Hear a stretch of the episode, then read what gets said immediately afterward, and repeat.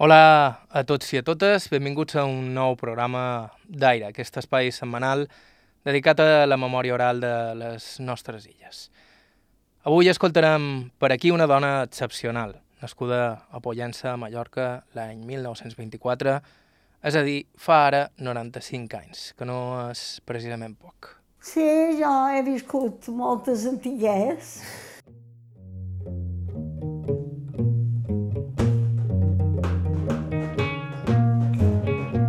Aquesta és Maria Martorell Palou, coneguda al poble Pollença com Maria de la Casa de la Vila, perquè Ana Maria va néixer a l'Ajuntament, on son pare era el saig, una feina que ja li venia heretada. Ana Maria és excepcional no només per conservar un capet sorprenentment clar per la seva edat, sinó també per haver estat sempre una dona increïblement independent, sobretot si tenim en compte la seva edat i els temps que li va tocar viure, els de la guerra i la postguerra, uns anys en què va exercir de professora. I devia ser una professora ben curiosa perquè anava fins a l'escola en moto i en calçons. I llavors no hi havia ningú que anés en moto. Això vos anava a dir, no? I devíeu ser de les primeres dones Sortia tothom una dona en moto, una dona en moto. I jo me recordo que arribava amb una fretada perquè duia pantalons de vaqueros que eren calents perquè no deixen passar. Però i una bona jiqueta arribaven a la vernada. I la gent d'allà era una gent molt agradable perquè n'hi havia que no havia anat mai en cotxe. I en canvi trobava molt normal que jo dugués pantalons. I aquesta no és l'única peculiaritat d'aquesta donata encantadora, llegida i intel·ligent. La seva història és única i sorprenent amb molts de detalls i avui la coneixerem. La Maria és bastant major i en alguns moments pega d'un tema a l'altre i de vegades t'has d'esforçar un poc per seguir-la, però vos asseguram que si teniu un poc de paciència no vos empenedireu. Estau escoltant Aire a IB3 Ràdio, vos parla Joan Cabot. Començam.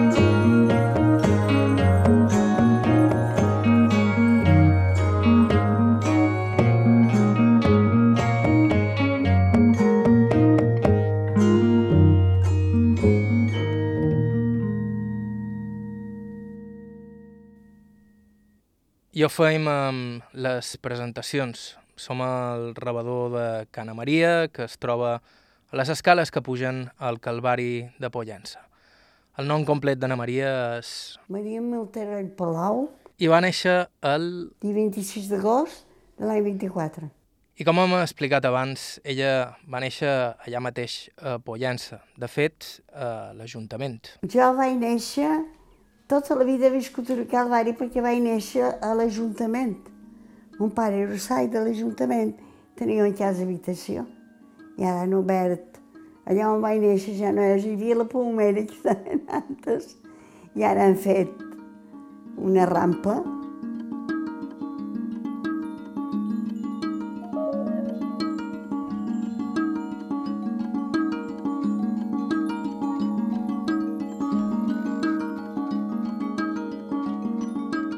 Pare era usatge, que era una espècie de conseje. Li deien usatge mallorquí. I, i, I son pare ja havia estat, De l'Ajuntament, també? sí, a l'Ajuntament. I ell mm, era fill únic, ja fill de fill únic, i clar, eh, va heredar d'això supòs, i, i eren usatge, era una espècie, li deien satge supòs que era una espècie de conseje, perquè aquell era, amb això li ha semblat jo un poc, que tenia una memòria, memòria privilegiada i quan venien, perquè llavors el temps del moviment eh, havien de venir pagesos a declarar a declarar el blat que havien coït i tot això. I, i supos que en vez de demanar el catastre i tot això per dir la finca que era, demanava a mon pare, perquè era un, una enciclopèdia de Pollença, sabia fulano de tal, veïnat de tal i de tal i de tal, i ho sabia tot, i li demanaven a ell. Perquè molta gent no sabia ni llegir, i li demanaven datos a ell. venien a declarar el blat que havien agafat.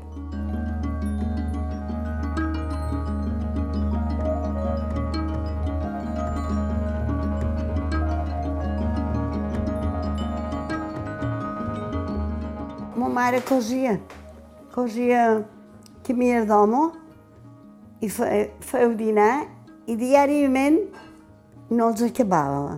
Eh, Els donava a cosir, tenia, va arribar a tenir tres relotes, cosien la costura d'aquí, de la, la màniga, i la de xona i feien un trau de punys, que eren 8 o 7, devien ser de 14 o 16 traus. A més d'aquí, de més. Aquí en duen 4, 4, 8 i 5. De més, de més, sí, de més 14 traus duen. I els feien a mà. I clar, va arribar a tenir de més tres lotes que cosien. I guanyava perquè d'això ja ho he pres d'ella, se posava les golletes. Per cert que vaig examinar de mestre i sempre sempre me deia, senyorita, quíteselos, no els alfileres de la boca. Perquè llavors havien de xerrar castellà, no havien de xerrar mallorquí.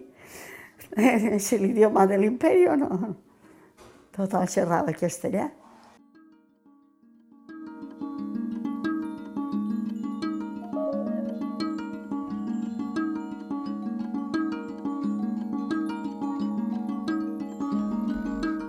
De fet, residint a l'Ajuntament de Pollença, ja nascut l'any 1924, Ana Maria i a la seva família els va tocar viure uns temps convulsos políticament, els de la Segona República, la Guerra Civil i després l'entrada a les institucions del franquisme.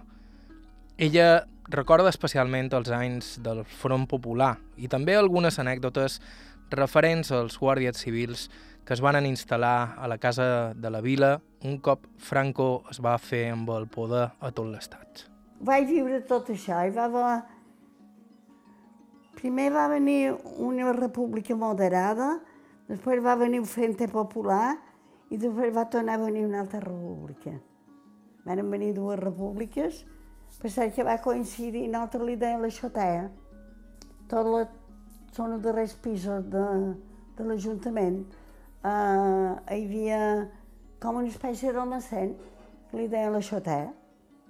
I, i va coincidir, un record beníssim, va coincidir, perquè jo té molt bona memòria, va venir, va coincidir que tiraven mobles vells i per evitar les escales els tiraven per la finestra i fem...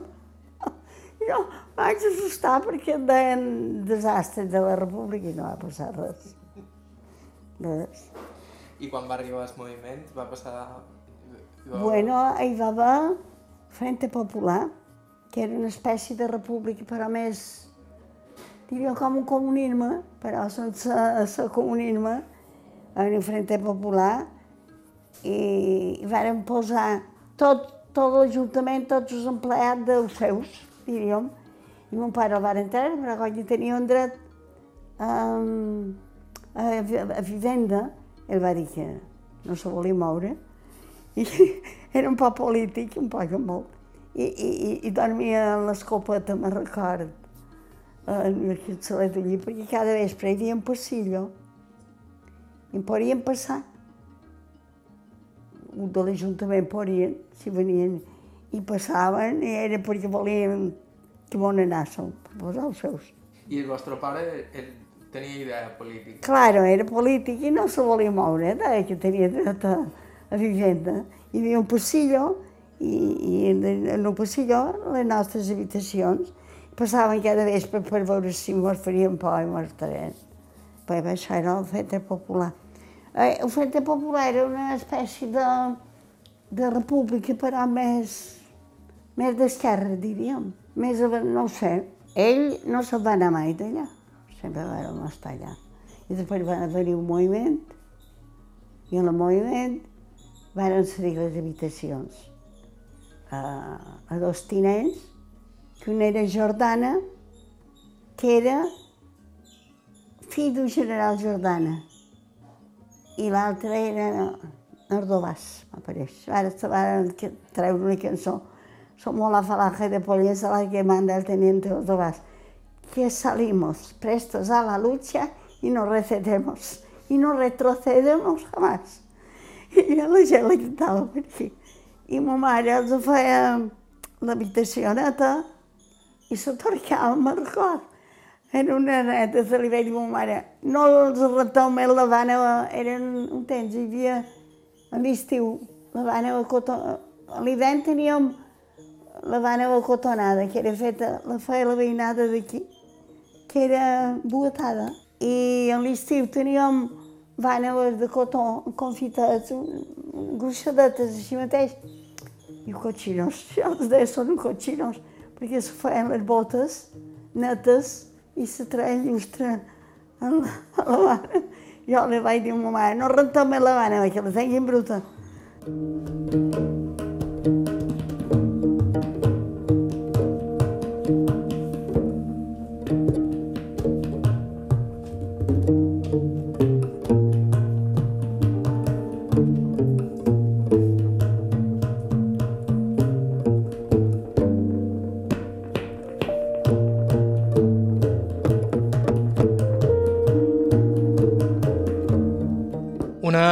Altra anècdota que recorda vivament na Maria és la del dia que, de petita, un llamp va entrar a la seva habitació, així com ho sentiu. La història té un punt gairebé irreal, màgic, en la seva memòria. D'una bolla de llum que va entrar per la seva finestra i que va, va desaparèixer per allà mateix. Jo estava amb una amiga en un llit i la meva habitació donava a l'escala aquesta que, ha, que ara ja no és tampoc, donava una escala que anaven a l'Ajuntament. I me va entrar un llamp, me va entrar una bolla així, de grossa, zop, zop, zop, zop, zop.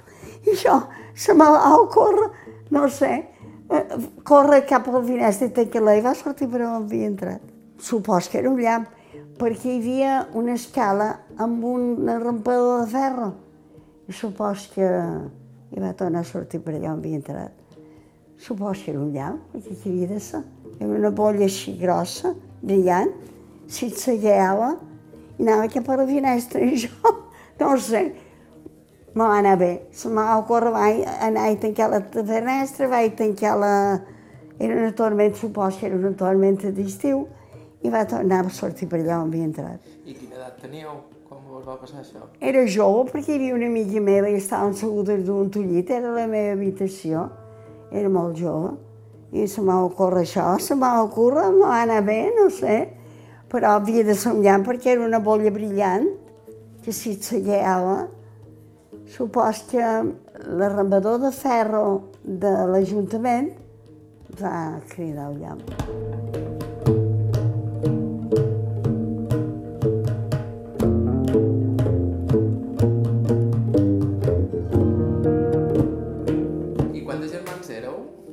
Mon pare era fill únic, jo filla única, i el predí eren dos. I el predí vell, el meu bisabuelo, era saig. I mon pare ho va ser per mort de que... Però llavors no feien oposició ni feien res, llavors hi van fer saig. I I vos vareu anar a escola? jo sí, jo vaig estudiar amb una beca de l'Ajuntament. Vaig estudiar, perquè llavors eh, ho varen llevar i varen fer la selectivitat. Hi havia un batxiller, un batxiller de 7 anys amb ingrés, a parte, i revàlida. I venien llicenciat de Barcelona i te demanaven el que els pagava, record, que mos demanaven bienes parafenales i tothom que bienes parafenales demanaven el que els, els pagava, no tenien programa. I, i lo vi, vàrem averiguar a base de diccionari, a base, que eren ubens, m'apareix, que porta cada consorte en un matrimoni. M'apareix, eh? No tens segur. Però mos varen demanar això i altres coses que no record i, i feien ingrés, set anys i revàlida. I la revàlida venia en llicenciat de Barcelona.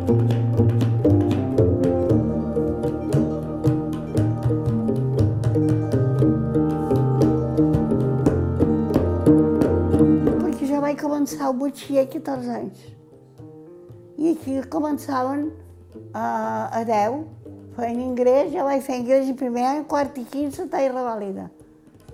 Perquè vaig començar a 14 anys i també anava a dispensa d'escolaritat. I a l'estiu me n'anava amb les suspesos en un moll a classe de Don Bartomeu Torres, que feia, feia literatura, idioma, i els vàrem fer, però no fèiem anglès, fèiem francès. I teníem un professor natiu que mordava, mordava la pràctica i venia, era amic d'un professor de francès i m'ho xerrava en francès. I jo llavors per mi vaig estudiar anglès, no sempre aquí perquè jo he parlat anglès i francès. I éreu molt inquieta? D'on vos venia aquesta inquietud? Suposo que de mon pare. Mon pare era fill únic i ja fill de fill únic.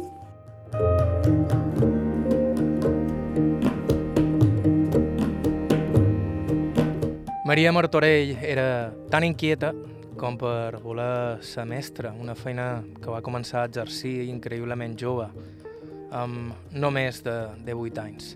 Primer a Menorca i després de passar les oposicions a Barcelona, a Mallorca, en una escola rural a prop de Son Carrió. Però jo me vaig acudir a un, decret, com que aquí no hi havia universitat, hi havia molt de mestres, i va sortir un decret com mentre tots els que tenien un batxiller aprovat, la revàlida incluïda, podien fer unes assignatures pròpies de magisteri que eren pedagogies, músiques i gimnàsia, m'apareix que era. I podies passar mestre, i jo vaig fer això. I vareu ser mestre? Sí. Durant quant d'any? No sé, perquè me'n vaig anar a una rural de Son Carrió, tinguent un número 1 de Balears, eh, les oposicions, havien d'anar a Barcelona. Ah, bueno, a Barcelona hi vàrem d'anar perquè va sortir també de, de places de pàrvuls.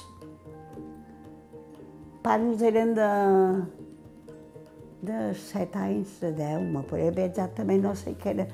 Sé que eren un, un parvulari, eren un petitons de tot de, de magisteri.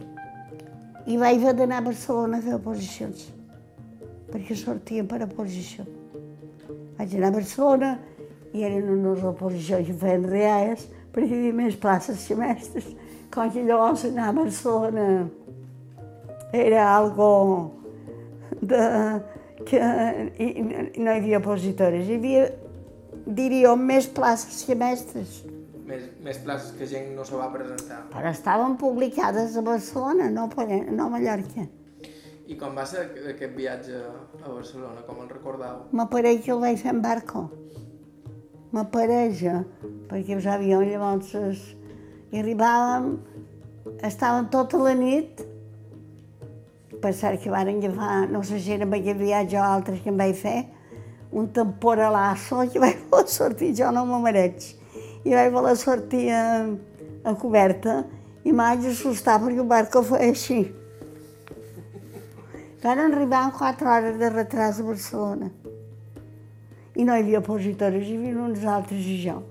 Hi havia més places que opositores. I vareu guanyar la plaça? Sí, clar. Eren regalades.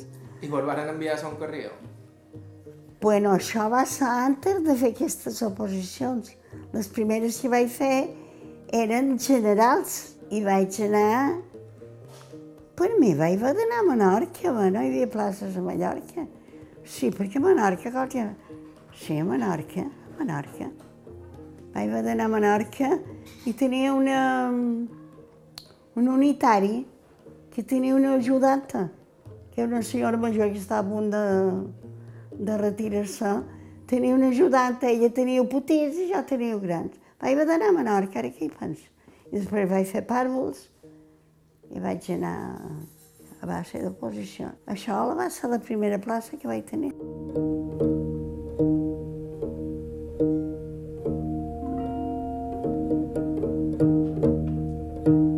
Era Maria Martorell Palou, de 95 anys i de Pollença, Mallorca. Estàu escoltant Aire a IB3 Ràdio. Fem una breu pausa i continuem.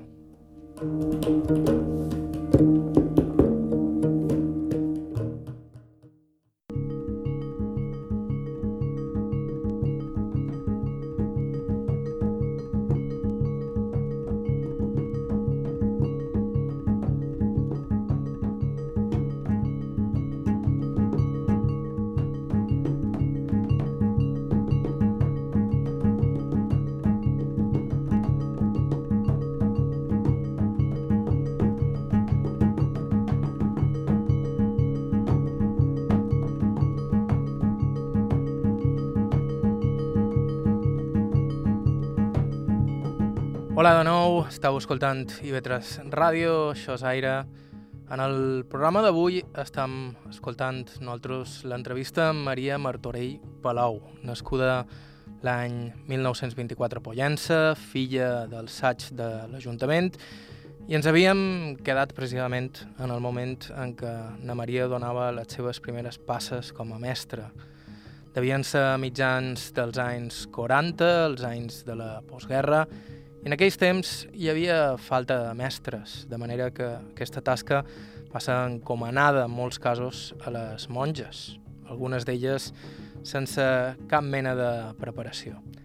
Na Maria, per contra, sí que havia estudiat i després d'estrenar-se de mestra a Menorca va passar a les oposicions a Barcelona i després de sortir d'allà, amb la millor nota, la varen enviar a una escola rural a prop de Son Carrió. Ne vaig anar a fer oposicions a Barcelona de, de pàrvols, perquè aquí no hi havia places. Jo me'n vaig anar a la número 1.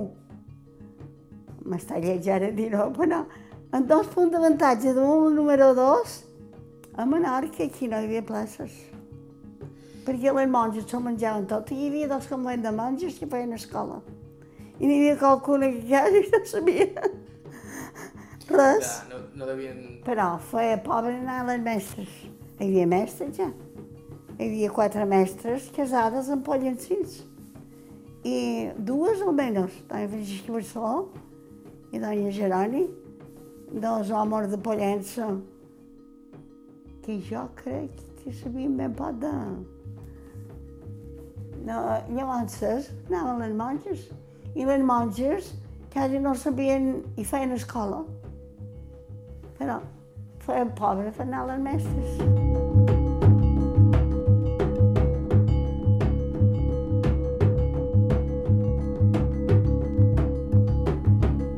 Entre les monges i aquestes professores de vegades sorgien rivalitats. De fet, Na Maria fins i tot va voler preparar les seves alumnes per la comunió i es va guanyar una inspecció. Les monges no anaven gens de bromes.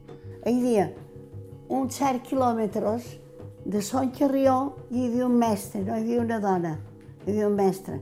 I me venien, i monges, i me venien de més a prop de l'escola de mestres que meu, venien d'allà, no sé per què, devia agradar més o no sé què, i allà hi havia monges.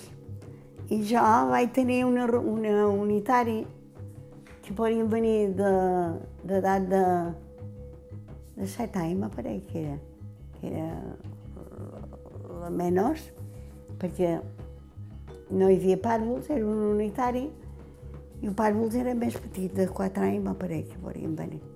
Però jo tenia un unitari, i, va, i venien de... de, de a Sant Carrió hi havia un mestre, no hi havia una dona, i monges. I jo era pintura a 6 o 7 quilòmetres de, entre Manacor i Sant Carrió, però era més a prop de Sant Carrió que de Manacor.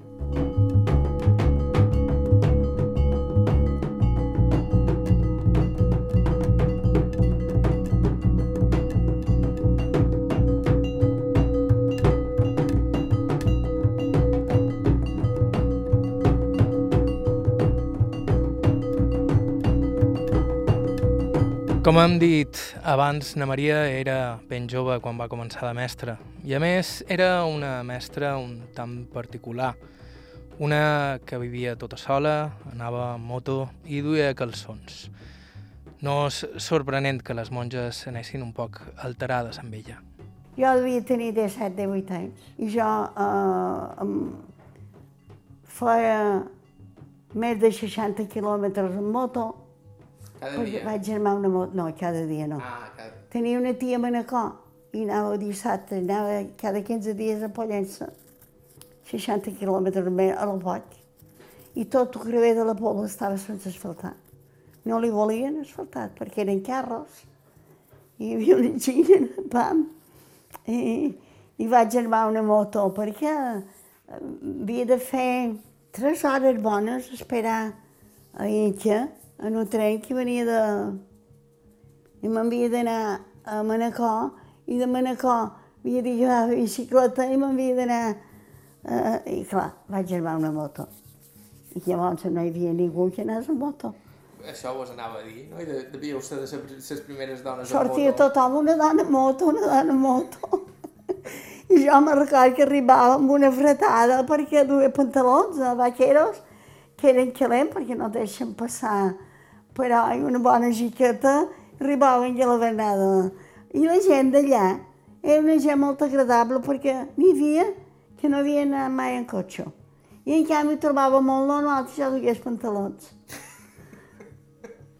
perquè, clar, jo arribava a, a, a, amb una fretada tremenda, 60 quilòmetres en moto. És a dir, anàveu en calçons... En calçons. I en moto. I en moto. I de, de, devia ser una cosa no vista. Claro. Posta sortir tothom per un camí. Me recordo que em van aturar, me pareix que era Muro, que la Guàrdia Civil estava, tenia un... Hi havia una capa munta per arribar que per ser una vegada havien estès terra i vaig haver de pujar tot perquè la moto me patinava, vaig haver de pujar tota la capa munta eh, en primera perquè no podia muntar. I vos va aturar la Guàrdia Civil? M'ha aturat la Guàrdia Civil perquè jo sempre duia una maleta darrere. Vaig arribar al Mam Taller allà, perquè no venia la gent. I vaig al Mam Taller i, i vaig dir a Maria Roqueta que estava en aquell jardinet que hi ha Port de Pollença.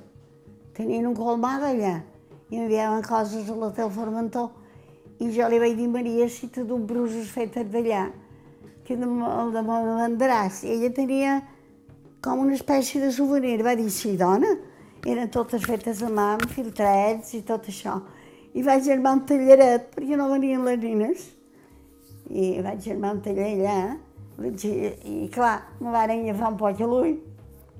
I va venir l'inspectora, però l'inspectora em coneixia perquè ja havia fet oposicions, eh, ella era del tribunal, i quan me varen dir, varen dir que jo deixava l'escola per anar a nedar, perquè jo me n'anava amb la moto, sempre estava amb la nedadora, a Porto Cristo, i ja que era, i anava allà.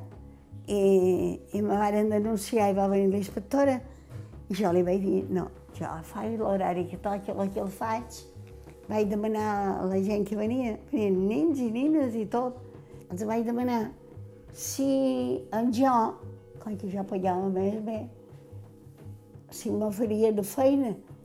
I les nines que feien feina, que no venien a escola, per aquesta dona que se cuidava de donar bruses, i jo cada setmana me n'anava a Manacor, o menys, i m'enduia les bruses fetes i els veníem a Pollença. I d'aquí vaig germar, vaig deixar el magisteri i vaig germar brodats.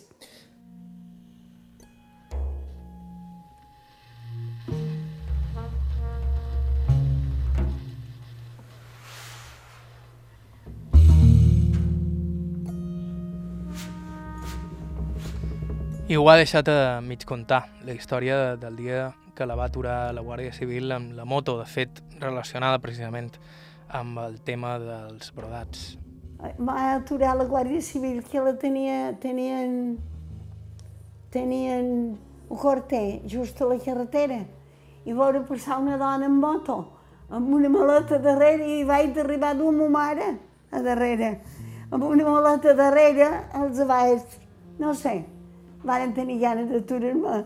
I quan varen veure que hi havia bruces, van dir, eh, se pensava que passava a l'altra banda.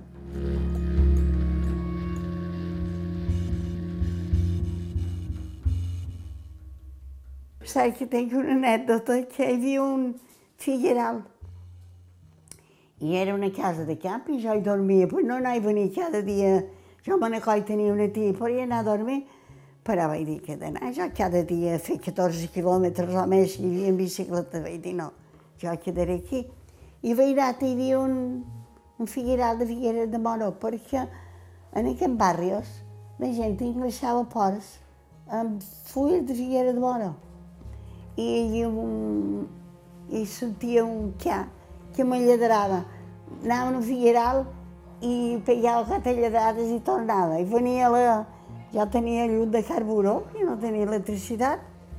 I, i venia a la meva finestra, pegava un parell de lladrades i se tornava. I vaig pegar por i tot, que no era, no era pluja, però vaig pegar por. Eh? Jo me deia, què chiama de vol dir que hi ha qualcú mallat en el figueral. I me'n record que vaig posar un parapet a la porta i de tot, perquè tenia por. I l'endemà, un nen, si és que he arribat a la conclusió, no són gent perulla, sempre he dormit tota sola aquí, ara ells estan alt. I, i un nen me va dir, senyorita, perquè me deien senyorita, home, ni jo, senyorita, senyorita, aquí hi ha un, un conill amallat. Dic, ja està. Que me deia que hi havia un conill que sortís a caçar el conill. Vaig suposar, vaig dir que era de veure que la pola no, quan, quan l'han vist no res. I quan hi va la, la gran neu, perquè hi va haver dues nevades a Mallorca, no, no record l'època i era una cosa raríssima. Aquí nostra jo som filla única i ma mare tenia por que no hi hagués passat qualsevol cosa i varen venir amb un fort potada. Amb un fort potada... De que li havien de dar... Que li havíeu de donar corda. Gairebé. Li havien de donar corda, havia de davallar i corria i anava. Van venir un fort potada, bueno, m'havia passat res. I que em va salvar va ser, jo no tenia cisterna, va ser, tenia una casserola i agafava casserolades de, de neu i els afonia, perquè van quedar un parell de dies aïllats. I era una dona ben, ben independent? Bueno, ja quedava a l'escola. No he tingut, per, no he tingut por mai, no he, estat, no he estat per mai. No, no devien ser totes les dones que fossin tan independents com vos. Ja, no, ningú, per dir. Jo anava amb moto, llavors era una amiga meva i les xiques de mi mà anaven amb una vespa. Jo anava amb un isso ja, perquè el meu tio, que era mecànic, me va dir que una vespa per aquells camins, perquè no hi havia res asfaltat fins a no crever de la pobla. Ja m'ho direu. Hi havia un pat de gigues. Me'n recordo que una vegada anava darrere un carro per passar, per passar-li, i aquest carro duia estelles fetes. I m'ha caure una estella i vaig frenar ràpid, una cap amunta, i no, perquè si m'arriba la roda, caig jo i moto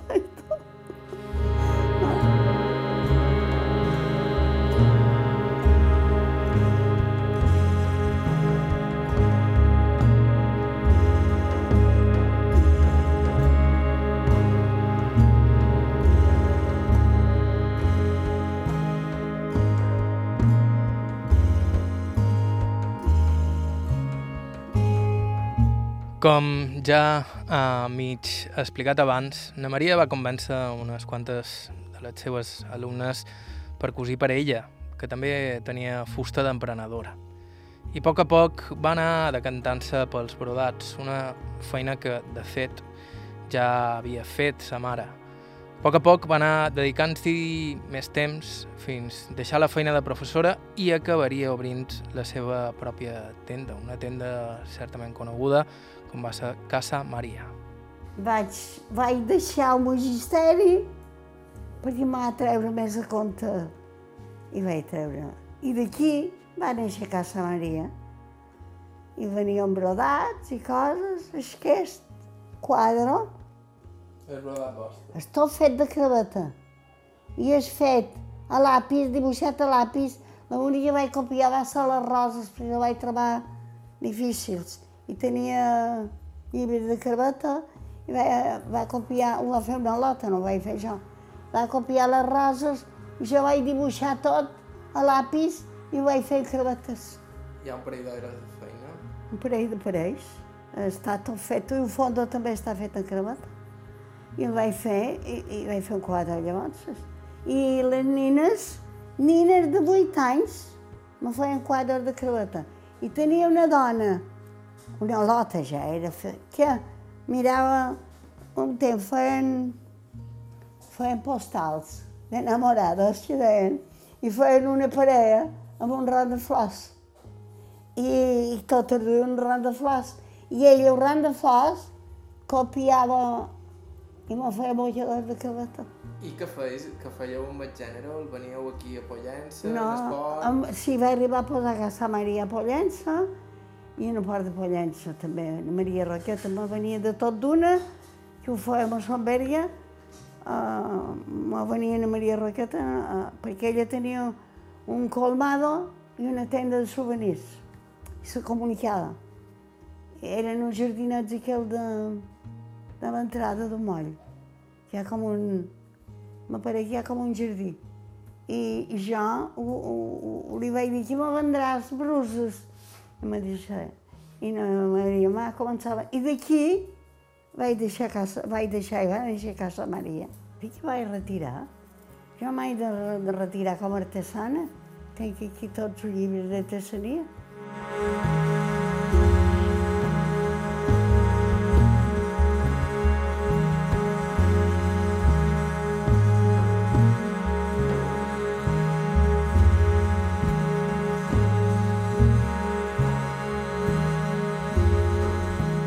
I alguns dels seus brodats es venien també a l'Hotel Formentor, un lloc que ella, m'explica, visitava les nits que hi havia festa de gala, un poc d'amagat per xafardejar i veure què duien posat les dones. I anàveu sovint a l'hotel? Jo hi anava perquè m'interessava vendre, sí, anava molt a l'hotel. I me n'anava, i quan hi havia escena de gala, la meva cosina aquí estava dependenta, perquè llavors ja parlava anglès i francès, Joana. I, i estava fins a les tantes de la nit, que la gent xerrava. I en Tomeu Bau, que era el taxista d'allà, també ballàvem a, en els replans de l'Hotel Formentor. Ballàveu? L'orquestra de l'hotel. Perquè aprofitàvem l'orquestra i estàvem en un putxet. Jo, a l'excusa de la Joana, la Joana tenia la... I dies que hi havia escena de gala no, no tancava la tenda, no tenia horari. Tenia tot obert tot el temps. Tenia obert, fins que hi havia gent. I passava i s'aturaven a la tenda i, i compraven o no compraven, però...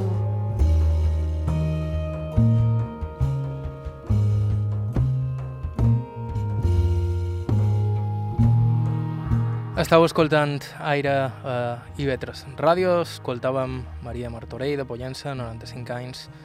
Fem una pausa i en uns segons continuam amb el seu testimoni.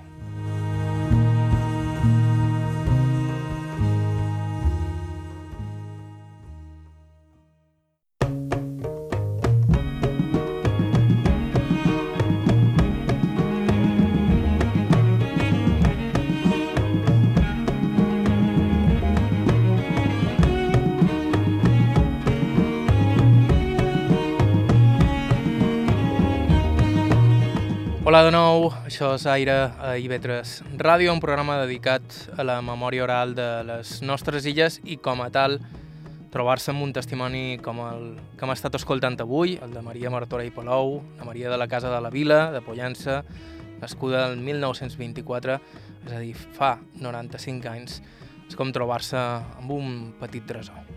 Sempre estem cercant tresors com aquest, així que si coneixeu algú que penseu que podríem entrevistar per aquí, ens encantaria que ens ho féssiu saber. Ens podeu escriure a aire.ivetresradio.com o deixar-nos un missatge al 971 13 99 31. Nosaltres reprenem el programa d'avui amb les darreres coetades de la nostra conversa amb na Maria, que si heu seguit el programa ja deveu tenir clar que devia ser, de fet encara és, una dona bastant peculiar.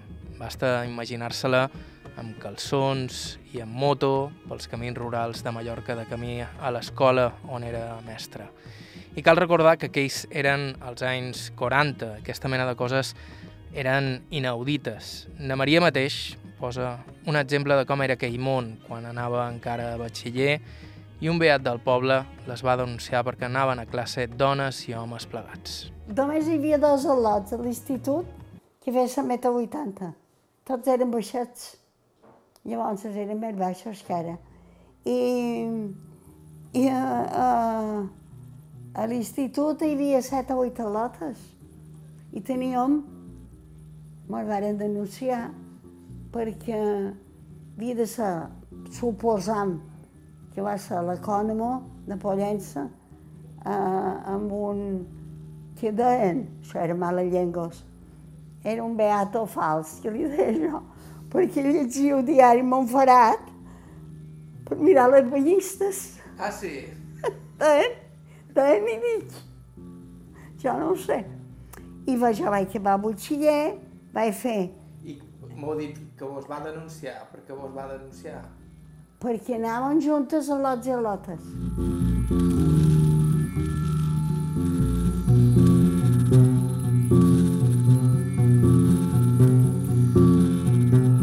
Na Maria sempre ha estat molt independent. De fet, mai s'ha casat, tot i que algun pretenent sí que va tenir. Sempre he estat I de? Ben independent. sempre he estat independent. I no vareu tenir pretenents?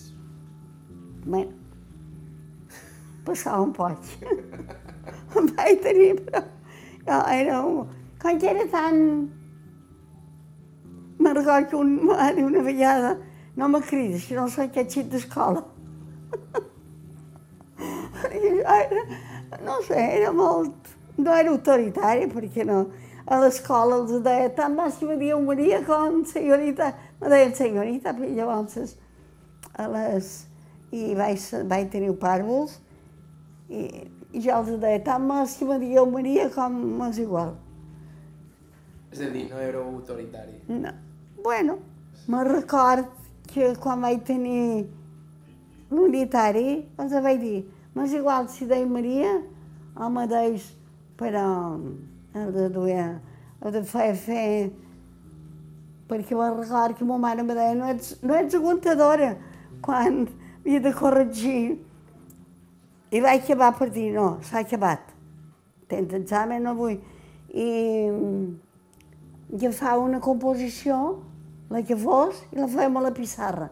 Corregíem i hi havia un encarregat de taula, perquè jo corregir tenia cinc cursos i no era massa. I, i jo vaig arribar a inventar que corregíem una... inventar. Corregíem una composició, era composició per dictat, passava una a la pissarra i corregíem els dictats, però les composicions les havia de, de corregir tu. I agafàvem una... no sabia qui, era l'única manera, un encarregat de taula, eren de més 40 i pico alumnes, no? perquè vàrem fer sí, la primera etapa i segona etapa. I jo me van fer, fer la segona etapa. I record que venien mestres peninsulars, jo no xerrava mallorquí, va ser com entrar un mallorquí, i jo record que vaig dir, jo no sé mallorquí. O català, si li voleu dir. I vaig dir, que farem una redacció del que sigui. I vaig fer un encarregat de taula, i passava una a la pissarra, corregia amunt, i ai del que no corregia, perquè jo m'havia desbordada, no sé quant de grupos tenia, de, de 40 cada una.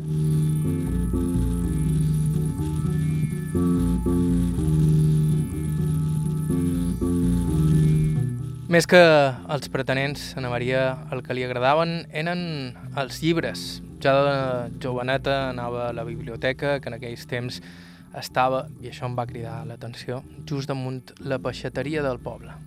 Com vos divertíeu quan éreu petita i jove per aquí, per Pollença? Llegint jo. Vos éreu a llegir? Jo llegia, llegia molt. Anava a la biblioteca i... Perquè hi havia una biblioteca damunt la pescateria. Perquè hi havia tancat ara la pescateria, que ara hi ha problema, no sé què, no sé quantos, perquè han trobat un cementeri moro. Ah, sí? Sí, jo ho he llegit a punt informatiu, però no han fet res amb això. I hi havia la biblioteca damunt la peixateria? Hi havia la biblioteca de la peixateria, jo treia llibres a la biblioteca. I hi havia una dona, bibliotecari, i, i treia llibres i llegia, ja llegia molt. Me n'anava en un pont d'embarqueta, que li deien un pont d'embarqueta, ara no sé si li diuen i tot. I m'agradava molt, tonteries meves, perquè quan corria l'aigua hi havia roques i, i me posava damunt una roca i sentia el renou de l'aigua que passava i m'agradava la mar i allò n'anava a llegir allà. Sempre m'ha agradat llegir. I que vos agradava llegir? De tot, tot el que, tot el que arribava. Llegia policiaca, llegia tot el que podia, perquè com que ja hi havia biblioteca, podia treure llibres de la biblioteca. I llegia, i, i en un parc d'embarqueta eh, hi havia roques, i em posava damunt una roca i llegia. Me n'anava, ja supos que en bicicleta, perquè llavors no tenia la moto. A Pollença també hi havia jo, que tenia la moto, Nelly Tallaneres, que també era mestra, que per mi se va morir ara fa poc. Nelly Tallaneres, però ella duia la del seu germà, que era dentista. I les xiques de Miramar, que duien, tenia l'hotel Miramar ja, en sastre era mestre d'escola i se va casar amb la de fia. I per tant una com l'altra tenien la vespa del seu germà i la duen, però que tenien moto que fet 60 quilòmetres. Això hi havia poques. No n'hi havia, no n'hi havia.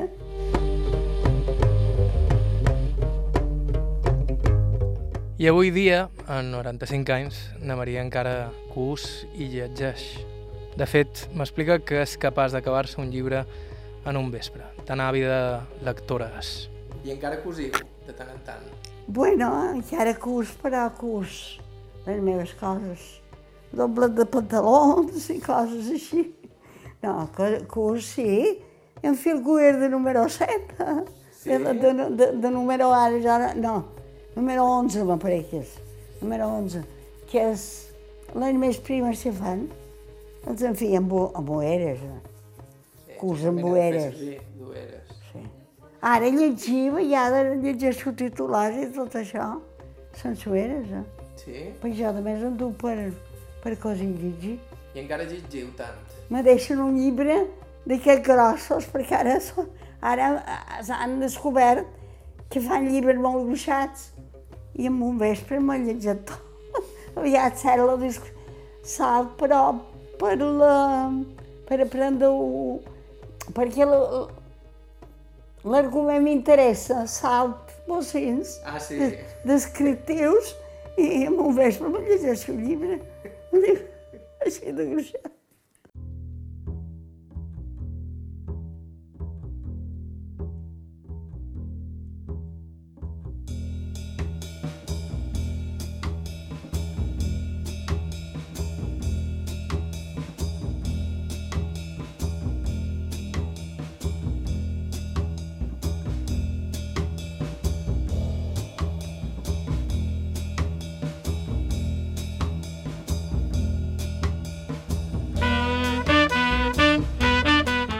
I fins aquí el programa d'avui. Gràcies a Maria Martorell Palou pel seu temps i amabilitat i també gràcies als companys de Punt Informatiu, la revista local de Pollença, per posar-nos en contacte amb ella.